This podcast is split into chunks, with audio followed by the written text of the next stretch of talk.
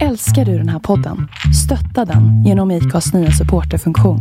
Det är helt upp till dig hur mycket du vill bidra med och det finns ingen bindningstid.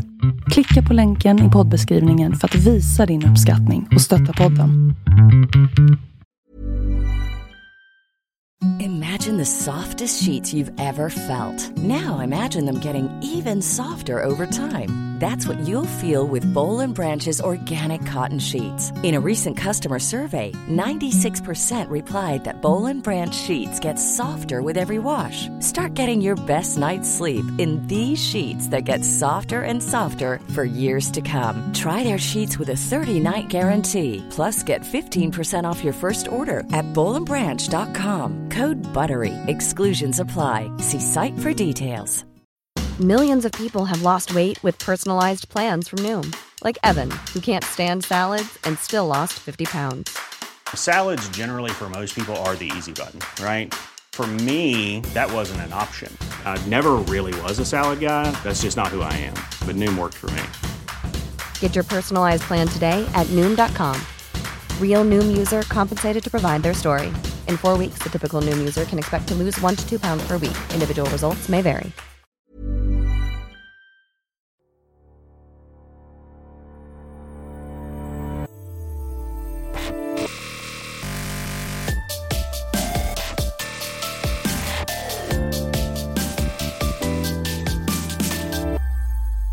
Hej och välkommen till Bloggbusiness, en helt ny podcast från Better bloggers, Sveriges första yrkesnätverk för bloggare.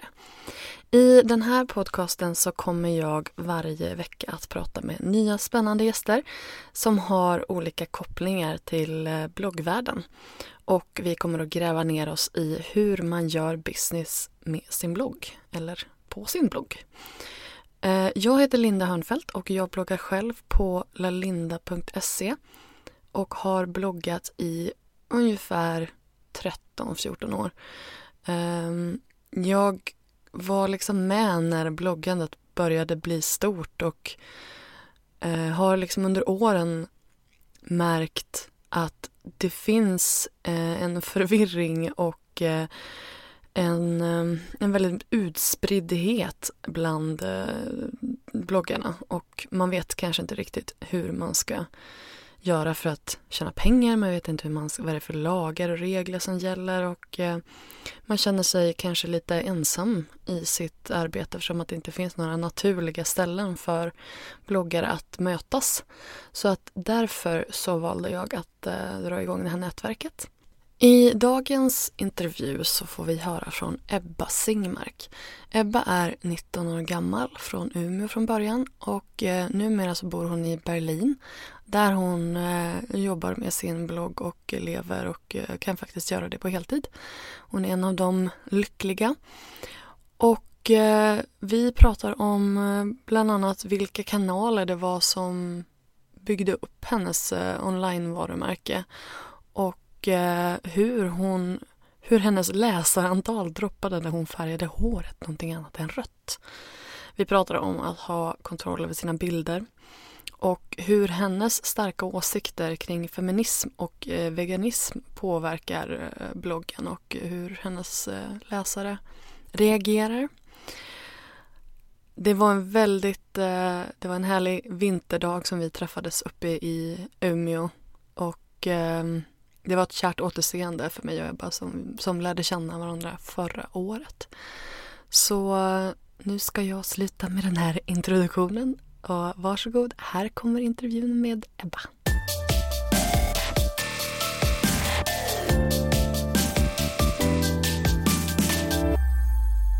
Hej Ebba! Hej! Välkommen till den första podden av bloggpodden från Better bloggers.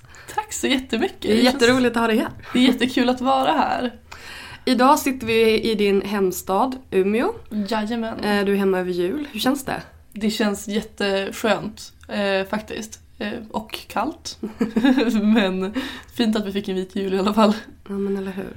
Vill du berätta lite kort vem du är och om din blogg, om din online persona? Ja, eh, jag tycker alltid att sånt här är så himla svårt. Mm. Men jag gör ett försök. Eh, mitt namn är Ebba Singmark. Jag är 19. Eh, jag bor för tillfället i Berlin där jag jobbar med min blogg och projekt runt däromkring. Eh, modellar lite. Ehm, men annars så är det väl bloggen som är mitt huvudfokus. Oj, där tog det slut. jag vet inte vad mer jag ska säga. Vad, vad bloggar du om? Ja, eh, jag bloggar om eh, mycket kläder och stil som många andra. Eh, också min, mitt liv, mitt, min livsstil i Berlin och typ vad jag håller på med. Det är, ja, det är typ ganska vanligt. Alltså, det känns som att det är en ganska så bred, bred massa med bloggare som bloggar om ungefär samma sak, typ kläder och livsstil. Så. Mm. Vad tycker du gör dig att du står ut ur den den, den, det mediebruset mm. liksom? Ja, det, jag vet inte. Alltså, så här, det är väldigt svårt. Eh, men jag känner ändå... Alltså, det kan vara att jag försöker vara lite medveten på många olika plan. Jag försöker få in liksom, feminism, konsumtionskritik, typ veganism och det är också saker som verkligen inte går ihop med den här äh, liksom, utseendefixerade, konsumtionshetsiga bloggvärlden. Eh, men på något sätt så har jag liksom en fot på varje sida. Ehm, och det känner jag väl att jag, just det att jag är lite kritisk samtidigt kanske är lite unikt. Och att jag kanske, jag vet inte, kanske förhoppningsvis så har jag en lite unik stil också på liksom hur jag klär mig och hur jag fotar. Um, och så. Den här balansen som du då uh, försöker hålla, känner du att det funkar mot dina läsare eller får du någonsin så här kritik om att du att, att just det här att du blandar de här två, eller funkar den mm. balansen för dig känner du?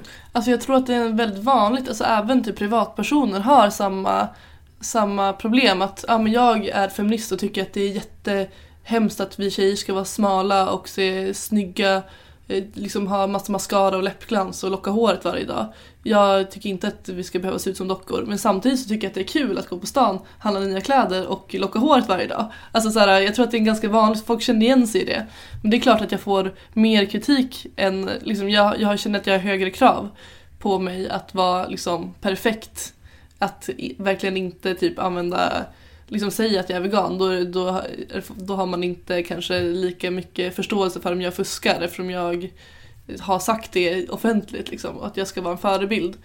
Eh, och samma sak med eh, ja, men, om jag säger att jag är feminist kanske folk tycker att det är konstigt att jag sen, inte vet jag, får folk att eh, vilja se ut på ett visst sätt. Mm. Eller så. Um, Men det är väl det som är feminism? Just det här att få välja själv? Ja, precis. Det, eller hur? Jag, jag, jag tycker inte att det egentligen är liksom legit. Men däremot tycker jag att det är mycket med branschen som är helt knasigt.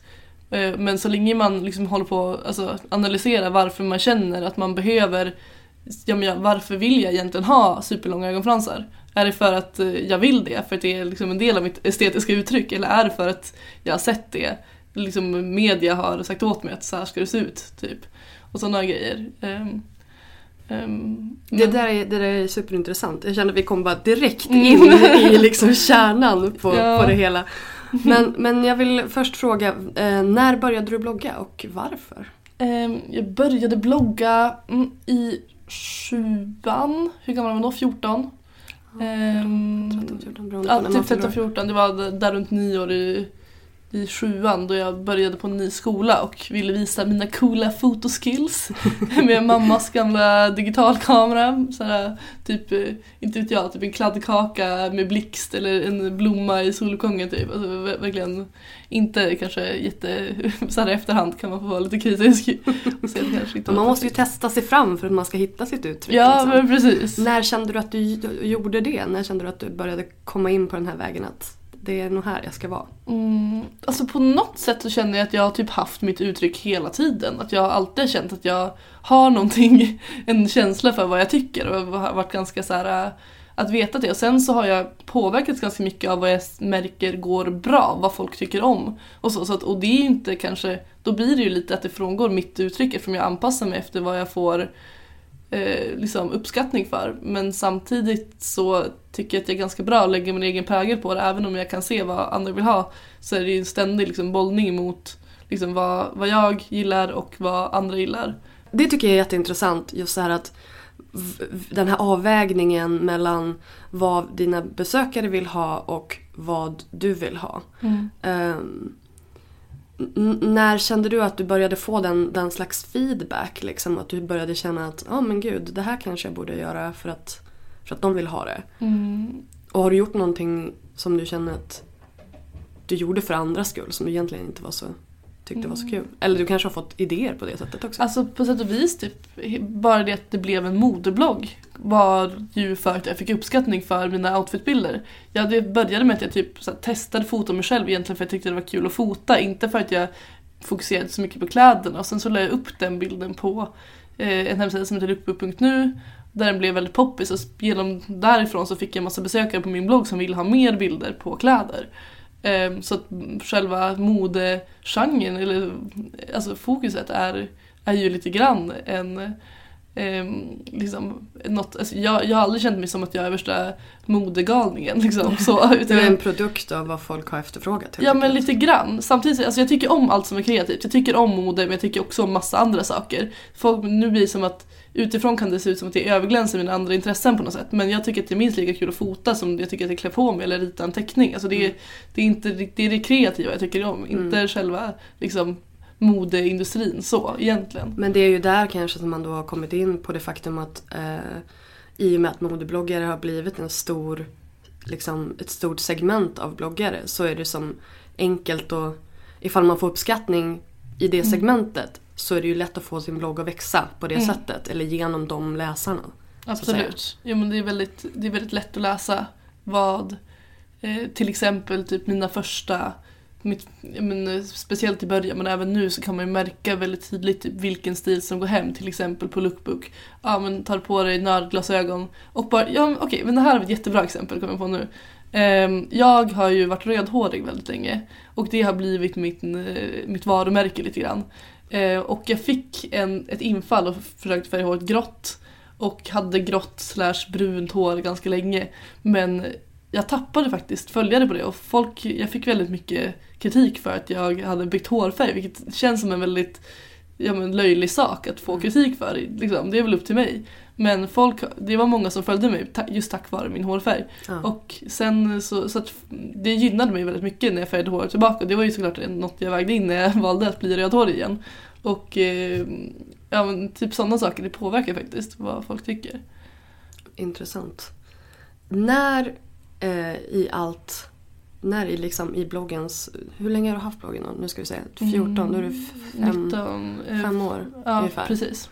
När i det här upptäckte du att du var stor? Oj. Liksom inom, inom situationstecken som jag Mm. försöker visa här. Eh, jag, jag vet alltså så här, det, det började ganska snabbt för mig tack vare att eh, först tack vare lookbook.nu där jag fick många internationella läsare. Eh, och sen så efter ett tag så snappade också blogg.se upp mig och la upp mig på framsidan och då, får man, då fick man liksom direkt massa följare därifrån. Ehm, så Du att jag- låg på blogg, blogg.se från början? Ja precis. Ebbasfoton.blogg.se Uh. Eh, ja. Och eh, så då, då, i och med det så fick jag börja få lite mejl och lite kommentarer och liksom folk hörde av sig. Men jag tror inte att jag märkte att folk visste, eftersom jag bor i Umeå där folk ändå känner mig så var det som inte folk som kom fram till mig och sa någonting eftersom de visste vem jag var. Man kommer inte fram till någon man känner och bara “det är ju du!” eftersom de vet ju vem jag är. Um, så att det var, jag tror att det var typ sommaren, undrar om jag var 15 eller 16 år. Um, ja, men det var en sommar då jag och mina kompisar åkte på mycket festivaler. Vi var på Peace and Love och uh, Urkult och Trästockfestivalen bland annat. Uh, och då kom det fram väldigt många, alltså väldigt många människor. Och då var det verkligen så, så att man fick se det på riktigt. Att shit, alltså folk vet vem jag är. Inte i Umeå utan jag, jag reser liksom. Jag är inte hemma och folk vet vem jag är. Ehm, Hur var det då? det var, jag tror att jag tyckte det var ganska, det var lite läskigt men var, jag tror att jag tyckte det var ganska kul. Alltså det är alltid kul för uppskattningar och var alla var ju snälla. Och på den tiden var jag så himla, det var nästan alla som kom fram var liksom äldre än mig och väldigt så här, snälla och liksom. Så jag, då kände jag bara typ som att jag, ja men det kändes som en kul grej typ. Lite kul att mina kompisar fick se att det gick bra typ. Och så. Ehm, Har du så- känt att din, dina, alltså de, de, från, de från Umeå eller din, Mm. dina vänner och sådär, är det, är det någon har du känt att de har förändrats? Kanske inte dina vänner men folk runt omkring dig har förändrats i och med Mm. att bloggen har växt eller ditt, ditt online-varumärke har växt. Kanske lite. I så fall mer typ så här personer som har, alltså, som har att göra med Umeås typ kulturliv eller folk som har företag eller något som, som, kan, gynna, alltså, som kan gynnas av mig på något Mm. sätt. Men andra människor, jag, jag tror jag är ganska dålig på att se sånt också. Ehm, så jag, men jag vet, det är svårt att veta hur mycket som är i mitt eget huvud och hur mycket som är. Men det är klart att jag kan träffa personer här som inte borde veta vem jag är, som vet vem jag är. Men jag känner inte att jag blivit särbehandlad på det. Eh, varken åt något positivt eller negativt håll. Utan det känns som att när jag är i Umeå kan jag verkligen vara liksom Ebba, Umeå-Ebba. Liksom. Eh, du, du sa att eh, Lookbook var en väldigt stor grej till att din blogg växte. Mm. Um, har du haft några andra såna här stora grejer som hänt som du har känt att som har gjort att bloggen har växt eller har det mest varit organiskt? Mm, jag tror att, um, att det, det var nog Lookbook som kickade igång det på riktigt och det där kommer det fortfarande läsare ifrån. Uh, ehm, och tack vare Lookbook så fick jag en stor Facebook-sida och nu även Instagram. Vilket visst gynnar mig. Ehm, men jag tror inte att det är så många av dem som har gått till min blogg så jag skulle säga att det är Lookbook och blogg.se och sen Eh, när jag hade bloggat i typ ett och ett halvt år eller något i den stilen. Jag är så himla dålig på att komma ihåg exakt. Men eh, eh, då vart jag uppfångad av Karin Bylund som jobbade för Modett. Eh, det var, och då hade jag några andra erbjudanden också just där i början. Men Modett kändes liksom bäst och där låg även till exempel Angelica Blick, My Blomqvist, Victoria Törngren ehm, och så vidare. De har ju grott många stjärnor det här Ja, förmodat. men precis. Och då var vi alla ganska nya men då tror jag att vi, vi gav varandra ganska många läsare. Att man tjänade på att ligga bredvid varandra och ehm, liksom få varandras publiker på något sätt. Var det här på tiden då det fortfarande var en tidning? Eh, nej, Nej. nej. det, var, det hade varit en tidning innan. Eh, men sen så gick det över till webbdelen. Mm.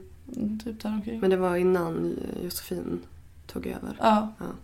Men vilken, för nu, nu har du ju som sagt väldigt många olika kanaler som Mm. är stora och som stöder, stöder varandra självklart. Mm. Men vilken skulle du säga är din största kanal just nu? Oj vad svårt. Ja, det är jätte- jättesvårt att säga. Ehm, alltså min, där jag lägger mest hjärta det är ju såklart bloggen. Men det är ju förmodligen min minsta kanal. Ehm, liksom publikmässigt. Ehm, jag, alltså där jag har mest följare, där jag tror att det ligger på runt 150 000, det är Lookbook fortfarande. Men eh, Instagram börjar också bli väldigt viktig för mig har jag märkt. Hur många har du där nu? Eh, nu har jag efter den här... Efter att de tog bort hela... Och, Jag tappade bara 60 personer. oj! Ja, men då har jag ju lustigt. 900 följare Ja. också. Eh, Nej men det var några tusen som rökte. Eh, men nu har jag 101 000. Ja, du tog det över en igen i Ja alla fall. precis, alltså jag hamnade under 100 000 spärren, det kändes så jobbigt. Man 99k, man bara, Ja, jag det, som väntat och kämpat för det. ja, men då fick du ju passera den två gånger. Ja precis, jag fick det Fira dubbelt en så kul. extra gång. Ja liksom. men precis. Ja, men- Ehm, ja. Mm, ja men det där tycker jag är jättespännande just det här att, eh, att fokuset har tagits från bloggen. Men skulle du, för att jag, jag, eh, jag är väldigt tveksam till att lämna ifrån sig sitt, ehm, sitt online-varumärke helt och hållet till en tredjeparts eh, applikation som du egentligen inte har någon kontroll över. Mm. Alltså både Lookbook och Instagram är ju det var ju väl till viss del blogg.se också men, men både Lookbook och, Instagram är ju Alltså det är ju egna företag liksom. Mm. Det är ju, du har ju lagt en väldigt stor del, de har ju självklart hjälpt dig att, att väx, bygga den Mm. också. Men du har ju ändå lagt en väldigt stor del av ditt varumärke på deras plattform. Mm. Ehm, och det jag, det jag försöker säga det är väl bara det här att det skulle, jag, jag tycker fortfarande att bloggen är en väldigt viktig hubb. Mm. Där man liksom samlar alla de här bitarna och där har du ändå fortfarande full kontroll över, Mm. över ditt varumärke. Liksom. Hur tänker du kring, kring det? Ja men det kan jag alltså, hålla med om. Att, eh, ja, men som jag sa, att det är, liksom, det är där som mitt hjärta ligger. Det är liksom på bloggen för det känns som att det är 100% jag. Och de andra delarna är mer anpassade efter till exempel internationella liksom, läsare och att liksom, formatet på de sidor det ligger på. Liksom på Instagram du kan posta en bild, du kan inte posta liksom, så många bilder du vill. Eller på Lookbook samma sak och så. Um, men menar också, jag tänker också på att bilderna kan bli spridda på något annat sätt. Att det inte liksom att du säljer dig själv på det. Eller så här, mm. Ehm, det, alltså jag har varit väldigt oförsiktig med det och mina bilder har alltid varit väldigt spridda. Jag kan fortfarande få mm, liksom hitta mig själv på typ 9gag och typ Pinterest och alla sådana där sidor. Um, Måste vattenmärka dem. Ja men precis, alltså jag, jag hade en period där i början som jag faktiskt gjorde det men jag stör mig så mycket på den lilla... Ja, jag vet, jag vet. Mm. Det är väldigt så här vattenmärke eller inte. Men det är ju så här, då, då, får du tillbaka dem till dig. Mm. Kanske om de flyger iväg på Pinterest, liksom ett gäng vänder bort. Men samtidigt, jag håller med. Det är men ju inte estetiskt stör det lite grann. Jag men jag tänker också på att, alltså ofta, vissa, det är många gånger de inte länkar. Men bara det att mitt ansikte finns där ute tänker jag på något sätt mm. borde gynna mig. För jag ser, alltså, det känns som att jag finns på många ställen där andra som är mer noga med sånt inte finns. Mm. Eh, och jag tror faktiskt att det har gynnat mig lite grann. Samtidigt så har det ju resulterat i till exempel att företag har snott mina bilder och typ tryckt upp på t-shirtar utan att fråga och sådana grejer. De kan nog stämma, det vet du va? Ja, men det, det har varit en liten vända där. Ehm, men så det löste sig till det bästa. Jag fick liksom min ersättning till slut. Men och sådana grejer. Och man kan bli chockad över liksom vilka, alltså vad de tror att de kan göra liksom, med ens bilder. Men samtidigt så tycker jag att det är väldigt kul. Alltså jag, jag har svårt att se Alltså när jag, när jag, tar mina bilder för att jag vill att folk ska se dem så jag känner inte bara att det här är mitt, jag måste hålla hårt i de här. Utan jag tycker att det är kul också att de finns där ute på något sätt. Jag har aldrig känt att jag måste typ skydda mina bilder så mycket. Men tror du att det hade varit samma? Tror du att du känt likadant om du bara hade varit, fot bara inom mm. situationstecken igen, hade varit fotografen och inte varit med på bilderna? För mm. många fotografer tycker ju att det här är ett jättestort problem, vilket mm. jag förstår. Uh, inte bara för att de blir utan sin ersättning men de är ju inte Alltså de har tagit bilden men de inte, figurerar inte i bilden vilket gör ju att de tappar ju om inte deras namn står med så är det ju ingenting som knyter bilden till fotografen. Liksom, mm. Om man inte har en väldigt, väldigt säregen stil. Absolut, det tror jag definitivt. Alltså jag, jag gynnas ju typ av att mitt Ja men, ja, men jag ser ändå ganska Jag har rött hår och fett lång typ. Alltså folk kan typ känna igen mig på en bild liksom. Eh, så jag tror att jag gynnas av att finnas där ute. Mm. Eh, men, ja, alltså, men om man inte kan knyta bilden till dig så är det ju bara negativt. Antar jag. Liksom. Mm. Så att, Eh, du nämnde också att du hade väldigt mycket internationella följare. Mm. Hur, hur skulle du säga att, vet du på ett ungefär hur det är uppdelat mellan liksom Sverige och, och internationellt? Mm, det beror på vilket medium man menar också.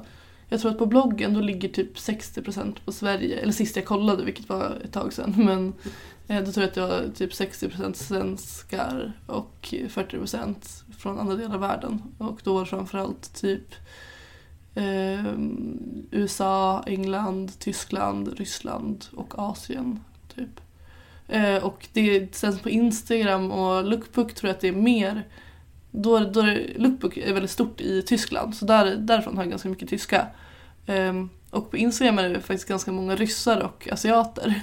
Mm -hmm. även Facebook har väldigt mycket, eh, mycket Ryssland och asiater. Som, eh, Intressant.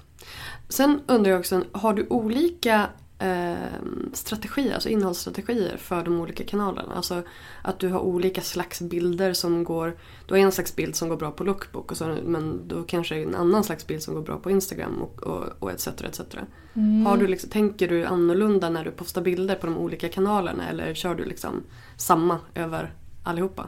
Mm, jag kör nog, jo men det har jag nog. Um, det, på Lookbook postar jag egentligen bara outfits som jag haft på bloggen så där, där kan jag liksom inte göra så mycket liksom, för att anpassa det. Men där är väl mycket fokus på själva kläderna? Ja men precis. Um, och sen på bloggen då, visst alltså där gillar ju folk mer bilder, de gillar liksom att få veta mer. Liksom, det ska inte bara vara så man bara scrollar igenom liksom. Och det är också mer svenska, jag kan vara mer personlig där för folk kan, det känns som att folk är lite närmare mig där. Folk som läser min blogg har ofta gjort det ganska länge och de vet vad jag menar när jag säger vissa saker och sådär. Ehm, men på Instagram och Facebook så kan jag vara lite mer så här, ja men alltså så det går ifrån min egen personlighet. Jag kanske inte är en sån som typ skriver hjärtan och liksom pussmunnar alltid men det kan väl hända att jag lägger till en sån på, på Instagram eller Facebook för att jag tycker Det funkar. det funkar. Ja. Eh, och typ, ja men selfie samma sak. Jag har alltid lite ångest typ av när jag lägger ut en selfie men det går väldigt bra. Ja, det tycker jag är väldigt intressant. Ja. Det, så, det är samma sak för mig. Som sagt, inte lika många följare och sådär. Men lägger man ut bilder på sig själv. Det funkar ju bättre än en av solnedgången såklart. Men, men om man tar liksom en, en väldigt snygg bild på någonting annat som Ja. kanske man själv tycker har ett större liksom, konstnärligt värde. Mm. Men, eh, men det är väl så det är. Det är ett personligt medium. Liksom. Ja men precis, alltså det så är det väl. Man Mm. får men ja, men jag känner väl att jag kan gå ifrån min egen liksom, personlighet lite mer på typ Instagram och Facebook. Flippa lite mer. Så. Ja men typ, alltså anpassa mig mer efter målgruppen och det är ju också för att jag har mest internationella där. Så att det är väl de som är mest längst ifrån mig också på något sätt. Ja. Eh, nu, ska jag börja, nu ska vi börja snacka lite business. Eller hur? När fick du ditt första erbjudande om, om liksom ett betalt samarbete? Minns du det? Eller, eller om samarbeten överhuvudtaget? Um, samarbete överhuvudtaget. Jag kommer ihåg mitt första väldigt väl. Eh, det kändes som en stor dag. Eh, det, var, det måste varit... Jag började blogga på vintern. Eh, och jag minns att jag fick det här på sommaren slash våren, typ maj, juni någon gång. Så det gick ganska fort. Eh, och då var det via lookbook.nu, eh, ett företag. Eh, Jag tror att, om jag minns rätt så hette det Pretty Sunday. Som ville skicka mig en klänning. Som jag skulle fota åt dem. Och det tyckte jag var så himla häftigt för att jag skulle få en gratis klänning. så att jag tackade ja och valde ut min favoritklänning. Och fick den hemskickad och fotade den och var, tyckte att det var riktigt coolt att kunna få en gratis klänning för, liksom, att det, för en sån sak som jag såg som en hobby. Så jag tyckte bara att ja, men det var kul att jag kan både tjäna på det och eh, liksom, ha kul. Typ. Ehm, Men eh, sen dess så har man väl kanske insett sitt eget värde lite mer än Det har så. förändrats lite grann. Eh, när, när började du inse att du kan ju faktiskt ta betalt i pengar för att, för att liksom annonsera för olika företag? Mm, det var nog inte så länge sedan ändå. Man kan ändå bli förvånad över hur länge man har tänkt liksom hur eh, att det räcker med att jag får för, för, för som blogger då är jag ju alltid i behov av kläder att fota så att jag kan förnya mina outfits liksom. Men, men det var väl kanske ett och ett halvt, två år sedan. Och då bör, det började ju med också att det alltså då var det oftast något mer, typ att jag skulle fota en lookbook eller någonting och sen så eh, fick jag eh, pengar för det men då, då fick jag också bloggmaterial men då var det inte sponsrad post i det, den meningen utan då blev det inlägg som jag fick material tack vare att jag gjorde det här jobbet men Det var snarare ett modelljobb. Liksom. Ja men precis, de ville att jag skulle fota. Alltså det blir väldigt billigt för dem att, liksom, att jag är både fotograf och, och modell. Liksom. Så, att de, Mm. eh, så de kunde ju utnyttja det. Och, eh, så det var snarare bilder till folks hemsidor då. Mm. Mina första liksom, betalda. Eh, och sen så var det också typ samarbeten då jag, ja men mer regelrätta modelljobb. Det, det har jag ju fått liksom, så länge sedan från början. Liksom. Att, eh, men då, det har inte alltid varit helt anknutet till bloggen heller. Mm, men att, samarbeten i form av sponsrade inlägg och så, det, det har väl varit typ ett och ett halvt, två år och sånt. Och hur ser ett sånt, eh, hur ser ett sånt samarbete ut? På, på ett ungefär liksom, nu? Mm. Det, det beror väldigt mycket på. Eh, Det finns många...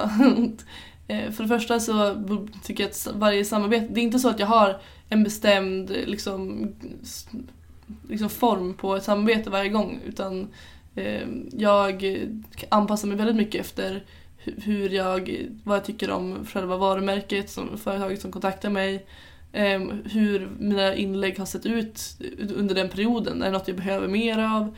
Typ vad, vad är de ute efter? Vill de ha liksom fler som skriver till sitt nyhetsbrev? Eller är det en speciell produkt de vill pusha för? Ehm, och så vidare. Ehm, och sen så beror det också på hur de har kontaktat mig. Har de kontaktat mig genom en agentur? Eller är det liksom rakt på liksom bara att de bara har skickat ett mail? Um, så att det, alltså det är väldigt svårt att säga. Ehm, men det kan ju vara allt från att jag har ett företags kläder i en outfit till att jag har någon mer typ aktivitet, att vi, vi kanske har gjort ett event eller att jag har gjort en resa eller en giveaway eller något i den stilen. Mm. Så det beror väldigt mycket på. Men vilka former av annonsering erbjuder du på din blogg idag? Mm. Det är också ganska svårt att svara på. Eh, Men annonser, alltså regelrätta annonser liksom, som man har på sin blogg. Det, det Banners alltså. Ja, Ja. typ. Ja, alltså jag är så dålig på det här. Eh, Men jag tänker liksom att det, de vanligaste det är ju att man antingen har en bannerannons Mm. eh, eller att man har ett sponsrat inlägg. Mm. Eh, affiliate-länkar kan man ju tänka in där också Mm. men då är det ju oftast inte Oftast inte ett, ett, ett sånt samarbete Nej. utan då, det brukar ju liksom gå utanför. Ja. Ehm, Men i så fall så är det eh, ja, dels annonser, men det är inte jag som sköter utan det är Tailsweep som hjälper mig med det. Eh, och sen så är det ja, men typ sponsrade inlägg på mina sociala medier och min blogg såklart. Eh, och, eh, men de ser så himla olika ut. Så att det, det är som sagt var, så det är inte så att jag har bara det här är min, liksom, det, det är det här du kan välja på. Utan jag, jag liksom varje, varje samarbete snarare skräddarsytt för att få så att mina läsare och jag och företaget ska kunna få ut så mycket av det som möjligt. Liksom. Jag tycker du har väldigt, det, är en väldigt bra inställning just det här att man tänker vad har företaget för målgrupp? Vad är det för någonting de vill ha ut av det? För att i ett sånt här fall, och jag tror att det, är, det här kan många missa liksom att i det här fallet så är ju du du är ju en anställd konsult, eller du är en anlitad konsult för att utföra ett uppdrag och då förväntar sig kunden leverans. Liksom. Både i form av material men även i form av trafik och sådär. Eh, och att man då liksom tänker i de där tankarna att ja, men, vad, vad är det du vill få ut av det här? Mm. Liksom.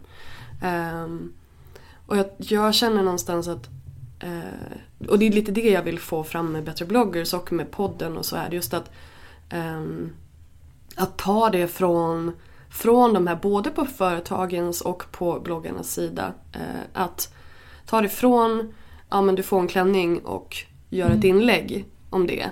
Och så ska du som bloggare vara tacksam och företaget ska liksom kiss ass. Eller vad man ska Ja, säga. Liksom, för, så, till att gå till en affärsuppgörelse. Mm. Och det kräver ju andra saker på båda parterna. Liksom. Att man, man, man har en annan approach Mm. från båda hållen. Ehm, Ready to pop the question? The jewelers at BlueNile.com have got sparkle down to a science with beautiful lab grown diamonds worthy of your most brilliant moments. Their lab grown diamonds are independently graded and guaranteed identical to natural diamonds, and they're ready to ship to your door. Go to BlueNile.com and use promo code LISTEN to get $50 off your purchase of $500 or more. That's code LISTEN at BlueNile.com for $50 off. BlueNile.com code LISTEN. Hi, I'm Daniel, founder of Pretty Litter. Did you know cats tend to hide symptoms of sickness and pain? I learned this the hard way after losing my cat, Gingy. So I created Pretty Litter, a health monitoring litter that helps detect early signs of illness by changing colors, saving you money and potentially your cat's life. Pretty Litter is veterinarian developed, and it's the easiest way to keep tabs on your fur baby's health right at home. Go to prettylitter.com and use code ACAST for 20% off your first order and a free cat toy. Terms and conditions apply. See site for details. Hiring for your small business? If you're not looking for professionals on LinkedIn, you're looking in the wrong place. That's like looking for your car keys in a fish tank. LinkedIn helps you hire professionals you can't find anywhere else, even those who aren't actively searching for a new job but might be open to the perfect role. In a given month, over 70% of LinkedIn users don't even visit other leading job sites. So start looking in the right place. With LinkedIn, you can hire professionals like a professional. Post your free job on linkedin.com/people slash people today. Den här övergången, alltså hur, hur känner du inför, alltså för det, måste ju, det är ju också en utmaning för dig att liksom typ byta plats lite grann i, alltså det är ju en sak att få PR-utskick och då man har en, man har en hatt på sig då. Och sen, sen ska man ta på sig den här affärskvinnahatten. Ehm, hur, hur tänker du kring det? Jag har ingen direkt fråga utan det är mer så här utveckla den diskussionen. Att, hur känner du inför, um, inför den förändringen? Liksom? Mm, alltså jag, för mig känns det väldigt skönt på något sätt. För det har alltid känts som att det är någon slags att man står i skuld till någon eller att de är skyldiga mig. Antingen så känner jag mig liksom att jag har fått för lite liksom, tillbaka för att jag har gjort mycket jobb. Eh, eller så känner jag att eh, jag har inte presterat tillräckligt bra och jag vet inte riktigt vad de vill ha. Och det blir som så här, var det bra eller var det dåligt? Och man känner sig lite osäker. Men nu känns det mer, alltså jag kan kräva mer för jag vet vad jag kan ge dem och vad de vill, om jag vet vad de vill ha. Eh, och de kan liksom, ja men antingen så kan de säga ja vi är nöjda för du gav oss vad vi sa att vi ville ha. Eller du får göra om det här för du sa att du skulle göra det och du gjorde det dåligt eller någonting, inte vet jag. Mm. Men man kan känna att det blir som raka puckar. Så man slipper slipper liksom oroa sig och det är så himla lätt. Alltså, ni, som bloggare, det finns, alltså, du har ju som inte så mycket att jämföra dig med. Så om någon säger att det här var dåligt, då har inte du så mycket att sätta emot. Mm. Men om du vet redan innan vad det är de vill ha, då kan, inte, då kan ingen sen komma och säga att du, har, att du skulle gjort annorlunda eller så. Utan då, inte för att jag har varit med om så många gånger att folk har klagat och så, men det är, det är ändå någon känsla som kan finnas inuti en också, att man känner sig osäker på vad man gör. Och då slipper du det liksom. Mm. Om du... Då har man ett avtal innan att det här ska jag göra för det här. Liksom. Ehm, men då kommer ju också den här, i och med att man börjar ta betalt och sådär så kommer ju den här skattefrågan Mm. till exempel. Eh, ska man starta företag? Ska man eh, mm, få det utbetalt som lån eller som, lån, som, som lön? Mm. Ja. Hur, hur, hur har du tänkt kring det? Ehm, Jag har kört lite av varje. Jag har varit anställd, jag har fakturerat genom frilansfinans eh, innan jag startade eget. Ehm, eh, Och nu har jag startat eget och eh, skickar fakturor för att det är ganska mycket olika, när man har många liksom, bollar i luften och många olika samarbeten så känns det bra att kunna liksom, ha kontroll på det själv på något sätt. Ehm, Så att jag valde att starta eget men jag är fortfarande väldigt grön. Alltså jag, har in, jag kan inte allt och vi kommer få se liksom mitt första bokslut hur jag kommer hantera det. och så, så att jag, jag är verkligen inget proffs men det känns bra att ha gjort det och att jag känner mig mer självständig och proffsigare efteråt. Liksom. Men vi får se hur det går. Hur, har du, hur, hur känns det? Hur känns det att, att liksom, förutom, alltså, tycker du att det har varit svårt eller har det varit hyfsat, hyfsat simpelt att starta eget? Eh, Det var väldigt lätt att starta det. Det var ju, det var ju som bara att starta. Sen ska man bokföra. Ja och- precis, det är den, den, den biten som jag känner mig lite smått orolig för. Men jag, alltså jag, eftersom jag aldrig varit med om det förut så jag kommer nog inte kunna veta förrän det är dags för bokslutet och allting hur bra det har gått och hur, om vad jag har missat. Alltså det känns som att det finns risk för att det är saker jag har missat att göra. Ehm, Men eftersom jag inte vet allting så kan jag inte veta om jag har missat någonting förrän jag upptäcker att jag har missat det. Så, så här långt så känns det ju bra eftersom jag inte har upptäckt att du fortfarande inte vet. Nej precis, men vi får se vad som händer i framtiden om jag upptäcker att jag gjort fel någonstans. Alltså tips från coachen, Mm. skaffa någon som gör ditt bokslut åt dig. Det är många som säger det men jag Ja. känner bara, jag, jag tycker det känns läskigt.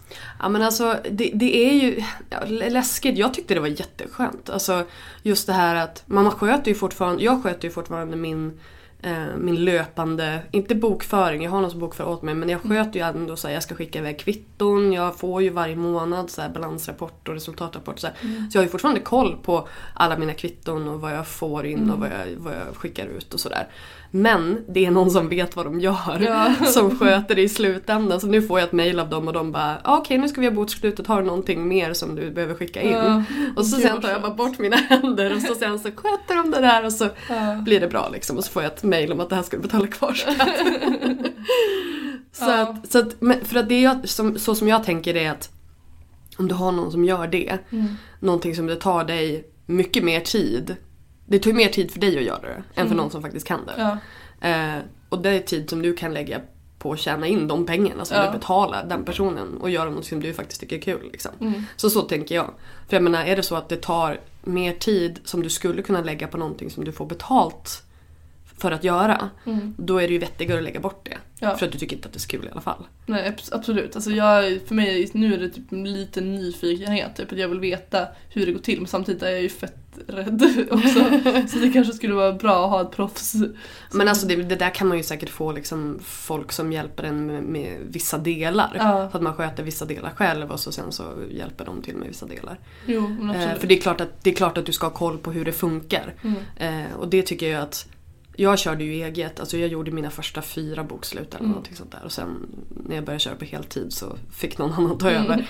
Eh, men då har man ändå koll på hur det funkar och bara vad är ingående moms, vad är utgående. Alltså alla de där Mm. grejerna måste man ju eller måste, men det är ju väldigt bra att man kan det för att hålla koll Mm. på sin ekonomi helt enkelt. När företag då kontaktar dig eh, om ett samarbete, för jag kan tänka mig att det är högt och lågt där. Liksom. Mm. Vad, vad, vad, bör de, vad, vad, bör de tänka på? Vad vill du liksom, vad vill du ha för information? Vad vill du ha för pitch liksom, Mm. så att säga? Jag tycker att det är kul med personligt tilltal. Att, de, att man märker att de har typ läst min blogg. De vet, de, alltså de vet vad min målgrupp är redan och de har redan tänkt ut liksom, att vi skulle passa med varandra. Ehm, det är liksom det är ofta man har fått liksom grattis du är utvald, du kan få det här eh, gratisprodukten. Vi Du tycker kan få ha en tävling. Ja, du är våran bästa du, vi har sökt över hela nätet efter dig och nu har vi hittat dig. Och sen kan man se liksom där uppe att de har skickat det här meddelandet till jättemånga loggar. Det är så Ja, oproffsigt. det är så klantigt. Då blir man såhär bara, "Nej, men gå hem, alltså jag vill inte. Nej, och det, det, det jag känner verkligen att om man ska samarbeta med någon så måste man liksom inte dumförklara den Mm. personen.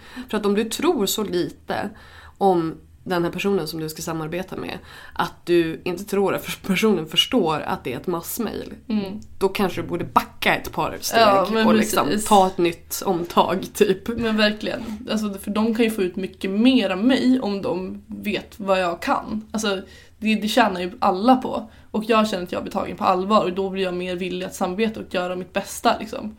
Ehm, så det tycker jag. Och sen tycker jag att det är väldigt bra när de är tydliga med vad de vill ha. Alltså när, när det känns som att det är väldigt, liksom att man har en deadline, man vet vad, vad, vad budgeten ligger på redan innan. Man vet vad de har för mål och vad jag, vad jag förväntas göra.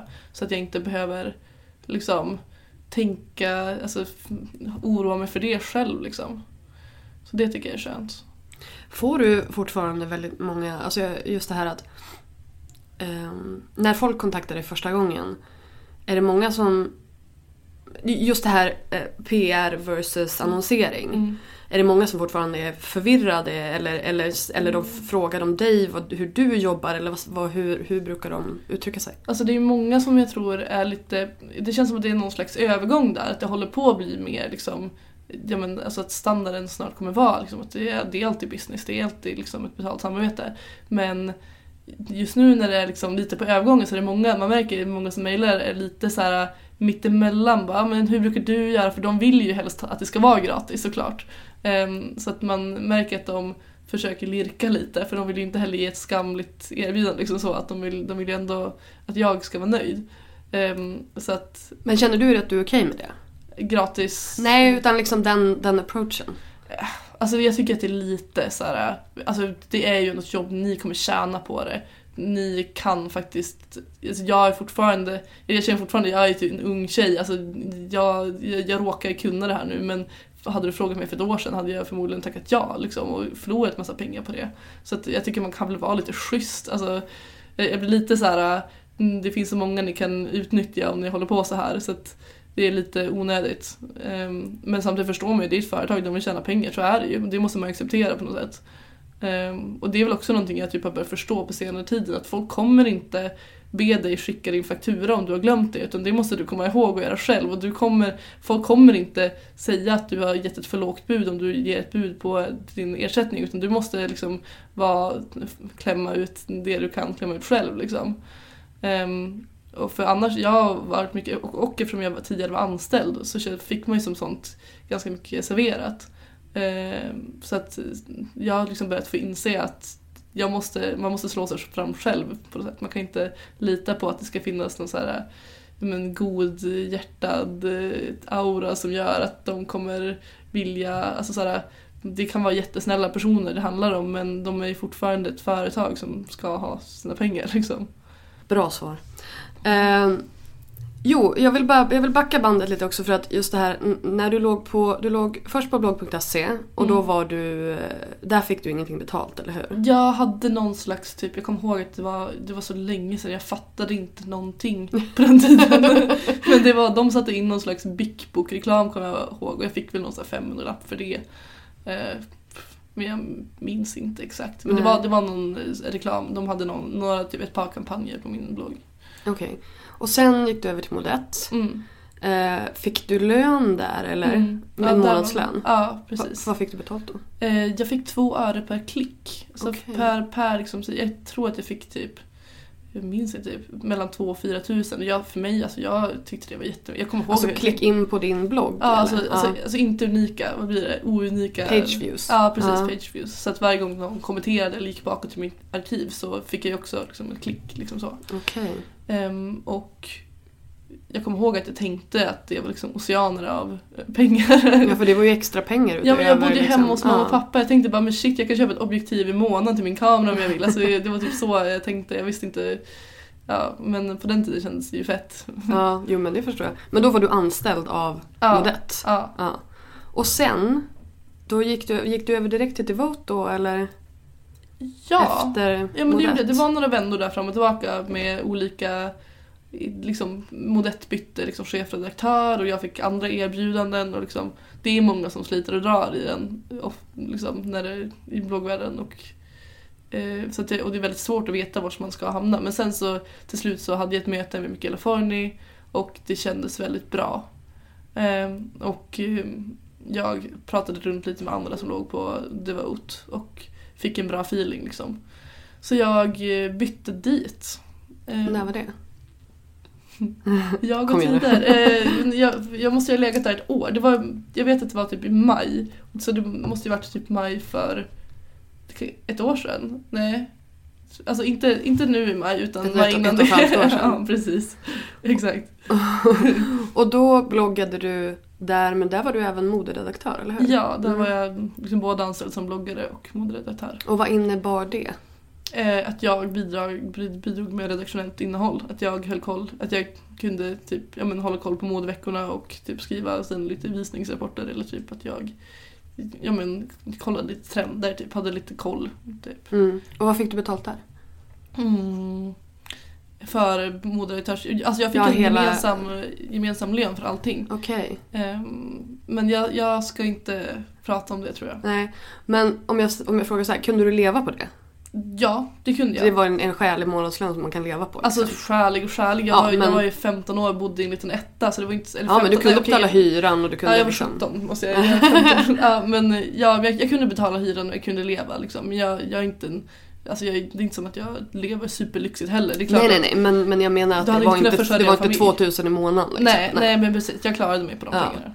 Ehm, var det då, fick du då betalt per, per besökare där också eller var det en fast Nej, jag hade fast och det tyckte jag var jätteskönt. Ja. Det var, för då kan man förlita sig på pengarna mer. Speciellt när man flyttar hemifrån och verkligen behöver pengarna. Mm, Eh, och behöver veta att de kommer. Liksom. mm, Då är det skönt att ha en fast lön. mm.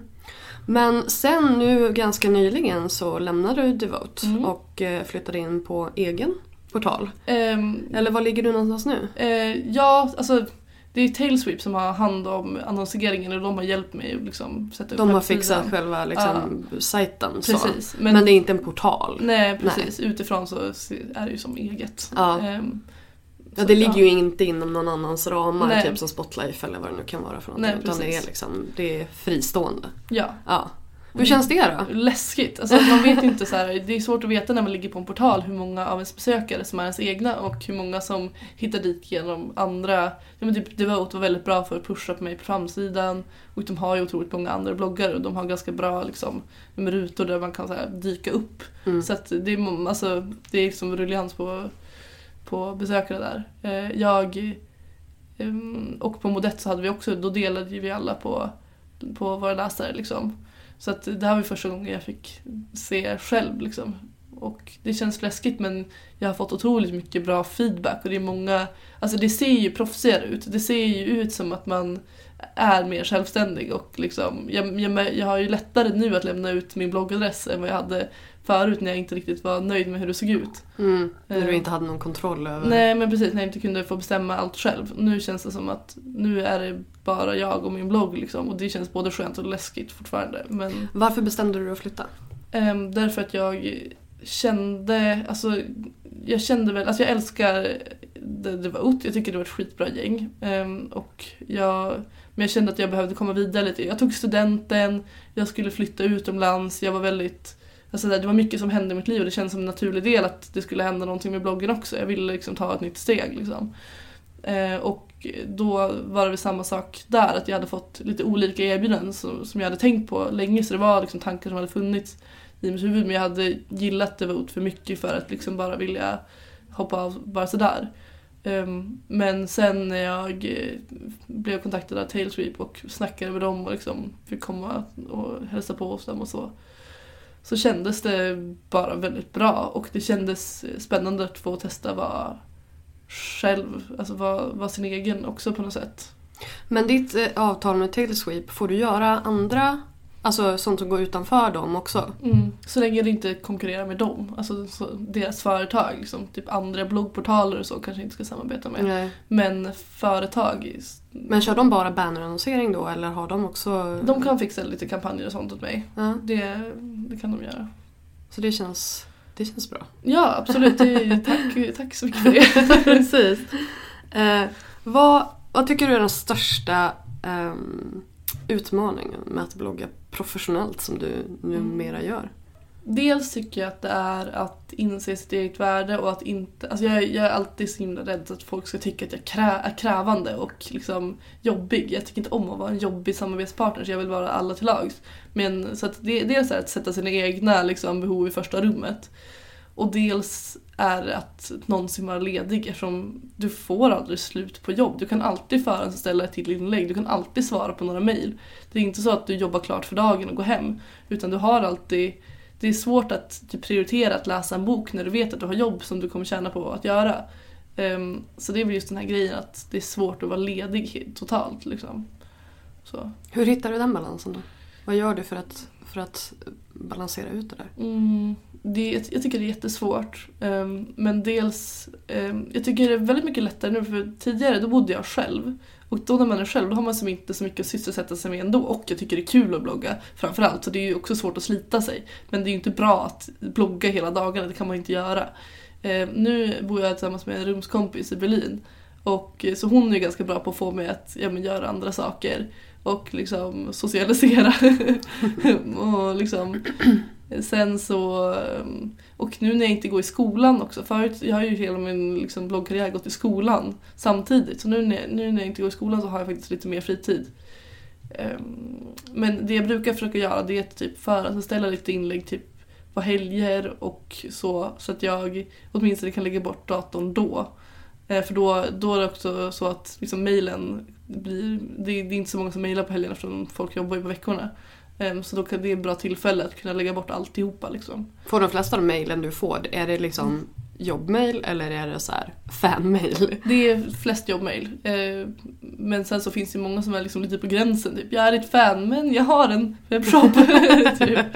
Ehm, och lite så här, eller folk som kanske vill göra en intervju till sin blogg eller folk som vill att jag ska vara med i någon skoltidning och sådana grejer. Men det är väl, men jag skulle säga att majoriteten ändå jobbmail. Um, och, men och det tar ju mer tid än vad man tror att svara på alla mejl. Alltså det, det är ett stort jobb. Mm. Um, och jag förstår inte hur folk som är större än mig har tid att svara Man på svarar allting. inte. Nej, jag antar det. Eh, Men idag kan du leva på din blogg. Ja, alltså jag, det är fortfarande inte så att jag är en så här superlyxmänniska som jag bor i Berlin, det, det är liksom inte så svårt att klara sig på där. Nej men det är ändå en fantastisk grej att Alltså jag har sagt det här förut, jag tycker det är fantastiskt att det finns en bransch där det är unga tjejer som dominerar Mm. och kan leva på, på det här jobbet som ni gör. Ja. För jag menar, ni är ju inte bara ni är inte bara modell eller skribent. Ni är liksom, Du är producent, du är ju eh, du är modell, du är skribent, du är fotograf, du är ju planerare, alltså mediaplanerare, du är inköpare, du är Alltså du, du är tusen personer i en liksom. Mm. Så att Folk som säger att ja, men bloggare är inget riktigt jobb. Mm. Nej men då kan du sätta de här tio grejerna på visitkortet istället. Liksom. Ja, för att det är bara en precis. samlingsord för allt det, allt det jobb man gör. Liksom. Verkligen. Det, så det fick jag typ tänka på när jag skulle skriva mina eh, visitkort för första gången. Och bara, vilka ord ska man... Entrepreneur. Ja, det kanske bara är samlingsordet. Typ. Ja, typ faktiskt. Men det känns, det känns väldigt fett. Man får känna sig som en eh, boss liksom. Ja. Och det är inte så... Alltså, jag behöver inte oroa mig för pengar och det är fett skönt. Jag, har, liksom, jag slipper göra något tråkigt, liksom, inte vet jag, kaféjobb eller något som jag inte... Alltså jag får göra något jag tycker är kul. Och det har man ju också fått börja uppskatta nu när man har gått ut skolan och folk verkligen börjar jobba. Folk jobbar på snabbmatsrestauranger, alltså mina kompisar städar, de, de gör saker som jag Alltså jag, då, då börjar jag med så här, förut har jag liksom tyckt lite synd om mig själv. men jag, nu när jag går hem från skolan måste jag gå och jobba. Alltså jag har ingen fritid typ. Men nu är det som så här, jag slipper göra jobbiga saker, jag får ha kul på dagarna. Och det är då, nu blir jag så himla tacksam för det. Mm. Liksom. Och så peppad liksom. Så att, Det är kul. Eh, vad är planerna för ebbasingmark.com under 2015? Mm.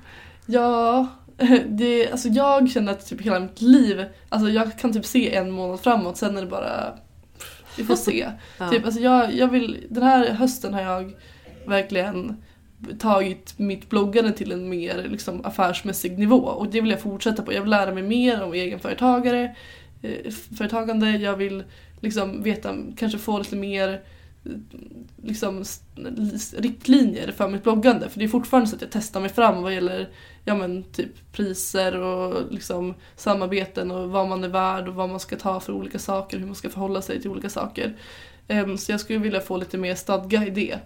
Em, men annars så får vi se vad som dyker upp. Det brukar, ofta så dyker det upp saker som blir roliga. Så det, det kommer säkert bli fullt, Fullt ös. fullt ös. Men du åker tillbaka till Berlin? Ja, jag åker tillbaka till Berlin och ska plugga tyska nu i år. Oh, sprechen Sie Deutsch. ja, bitte. det kommer. Ich bin krank. Det är det enda jag kan. Vad är, blir det? jag är sjuk. Krank. det är min mamma som har lärt mig. Vad vill du se hos eh, bättre bloggers?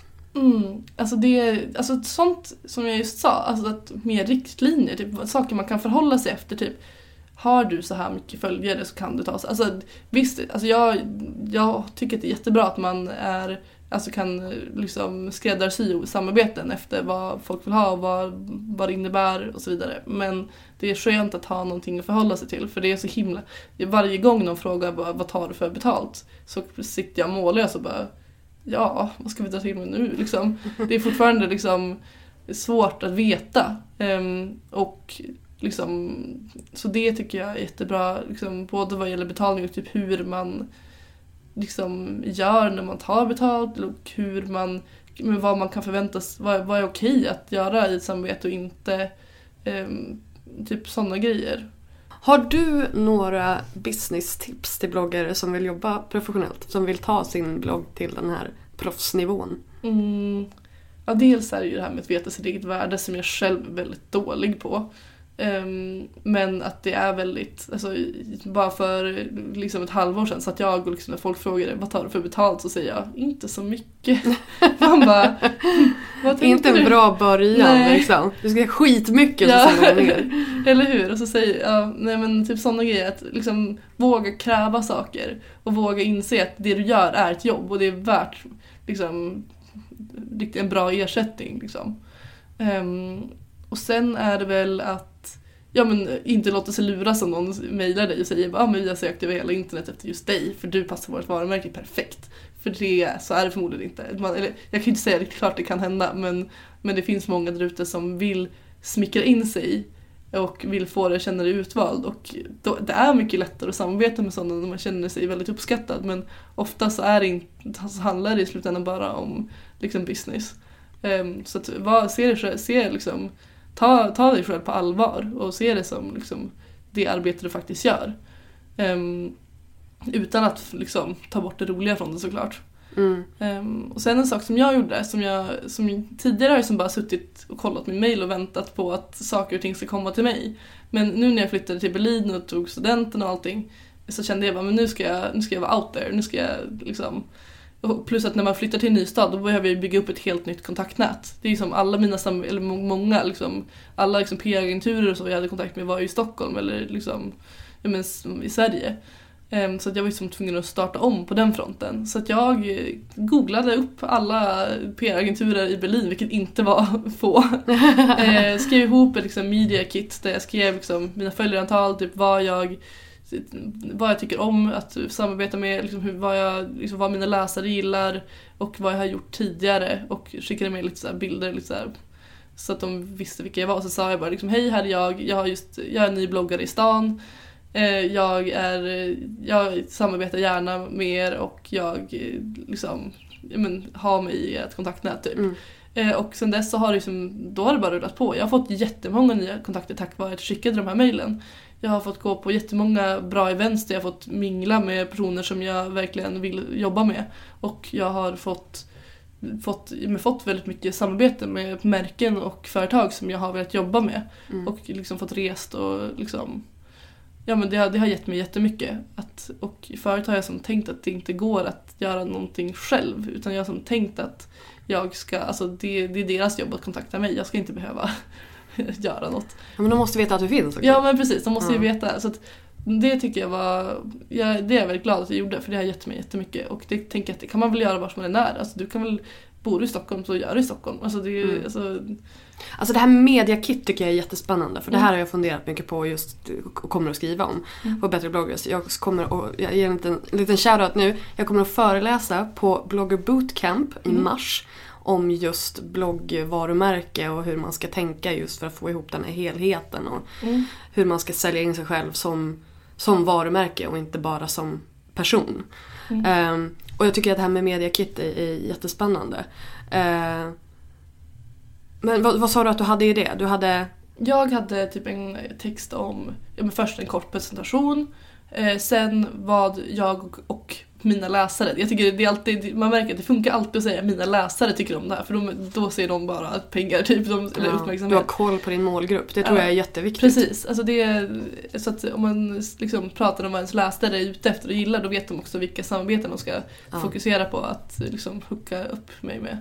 Ehm, sen mina siffror såklart. Um, och så hade jag med en liten del om typ ja, men könsfördelning och vars. eh, liksom. Eh, och sen så hade jag med em, bilder på mig. Em, och sen typ kontaktinformation. Ehm, ja, jag tror det var det. Och sen kanske också någon, eh, jag vet inte om du sa Ja, lite CV typ. Lite, lite, Ja, så här, vad, det här är samarbeten jag har gjort förut. Ja, precis. Och kanske även, jag vet inte om du hade det, men jag tror att det kanske kan vara intressant att ta med vad de gav.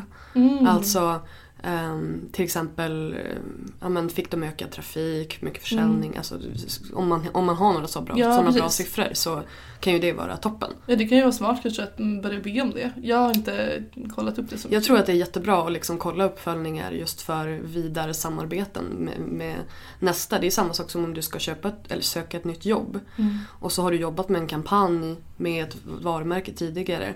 Att då visa upp en uppföljning att ja, men vi ökade försäljningen så här mycket eller bla bla bla. Sådär. Mm. Det är ju jättebra för då ser man ju också att det blir resultat av det. Absolut. Det Ehm, där är ett tips. Ja men det ska jag ta åt mig, det är jättebra. ja. Ehm, och det, jag tror att jag skickade, nej jag, jag skickade några som pdf och sen några bara som typ text i ett mail. Ja. Typ med Ja. bifogade bilder. Men pdf, alltså tidigare, det här har jag märkt att det är väldigt mycket i USA. Att när jag varit där på liksom, bloggevents och konferenser och så, eller Fashion Week för den delen, så har det varit ehm, Folk går omkring med visitkort och så har utskrivna liksom, media kit som de går och delar ut. Alltså de är väldigt så här, Mm. ja men här är jag, kom och liksom, vi samarbetar, vi, vi ska, och det är jättebra, varje gång man kommer från ett sånt ställe så har man liksom väskan full med papper och visitkort och så. Mm. Eh, och då vet man också sen, alltså då kommer man ju ihåg varandra och det tycker jag att Europa generellt är ganska dålig på. Alltså det, det är nästan, visst visitkort kan man få ibland men det är inte så här det är svårare att på ett naturligt sätt liksom presentera sig själv och liksom, man förväntar sig nästan att alla ska veta vem man är redan. Mm. Och så är det ju inte. Det finns så många nu liksom, Mm. speciellt. Men det är ju kul att du nu är i Tyskland i och med att du hade så mycket Ja, eh, besökare därifrån. Så Absolut. Att, får du, är, är det fler nu som kommer upp och bara Hej, dig känner jag igen. eh, det har hänt. Det har hänt några gånger. Men det är inte, alltså Berlin är en så stor stad och jag är inte De är så jag, chill där nere. Ja, men alltså jag är inte så stor. det, är inte, det är inte som att det är typ folk i hela världen bara wow. Eh, Men visst, det är folk i Berlin som känner igen mig och det är ashäftigt. Mm. Eh, Men det är inte som att jag inte kan gå på gatorna utan att bli igenkänd. Jag Mm. känner mig fortfarande väldigt privat och jag tycker det är väldigt skönt. Men det är lite coolt, jag har varit med om några gånger folk kommer upp och sådär bara Mm. Och det är så roligt, så bara, Hej Linda! Ja. Och man bara vänta, borde Ja. jag veta vem du är? Eller Ja, liksom, men jag... jag- läser din blogg och man blir så glad varje Ja gång. men det är så skönt för först blir man så rädd. För jag, jag är också lite ansiktsblind så det händer mig ändå att jag Jag känner personen verkligen.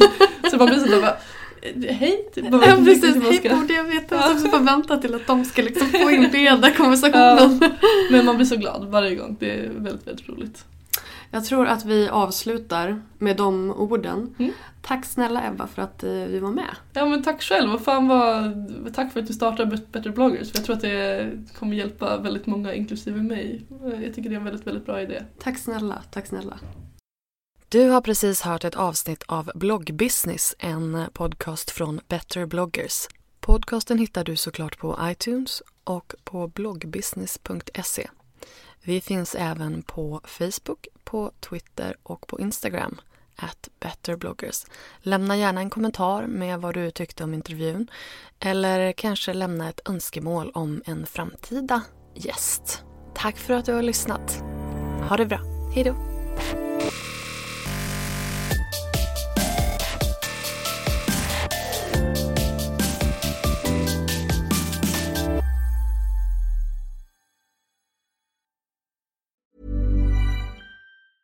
Mom deserves the best, and there's no better place to shop for Mother's Day than Whole Foods Market. They're your destination for unbeatable savings, from premium gifts to show-stopping flowers and irresistible desserts. Start by saving 33% with Prime on all body care and candles. Then get a 15-stem bunch of tulips for just $9.99 each with Prime. Round out Mom's menu with festive rosé, irresistible berry chantilly cake, and more special treats. Come celebrate Mother's Day at Whole Foods Market. Imagine the softest sheets you've ever felt. Now imagine them getting even softer over time. That's what you'll feel with Bowl and Branch's organic cotton sheets. In a recent customer survey, 96% replied that Bowl and Branch sheets get softer with every wash. Start getting your best night's sleep in these sheets that get softer and softer for years to come. Try their sheets with a 30-night guarantee. Plus, get 15% off your first order at bowlandbranch.com. Code BUTTERY. Exclusions apply. See site for details.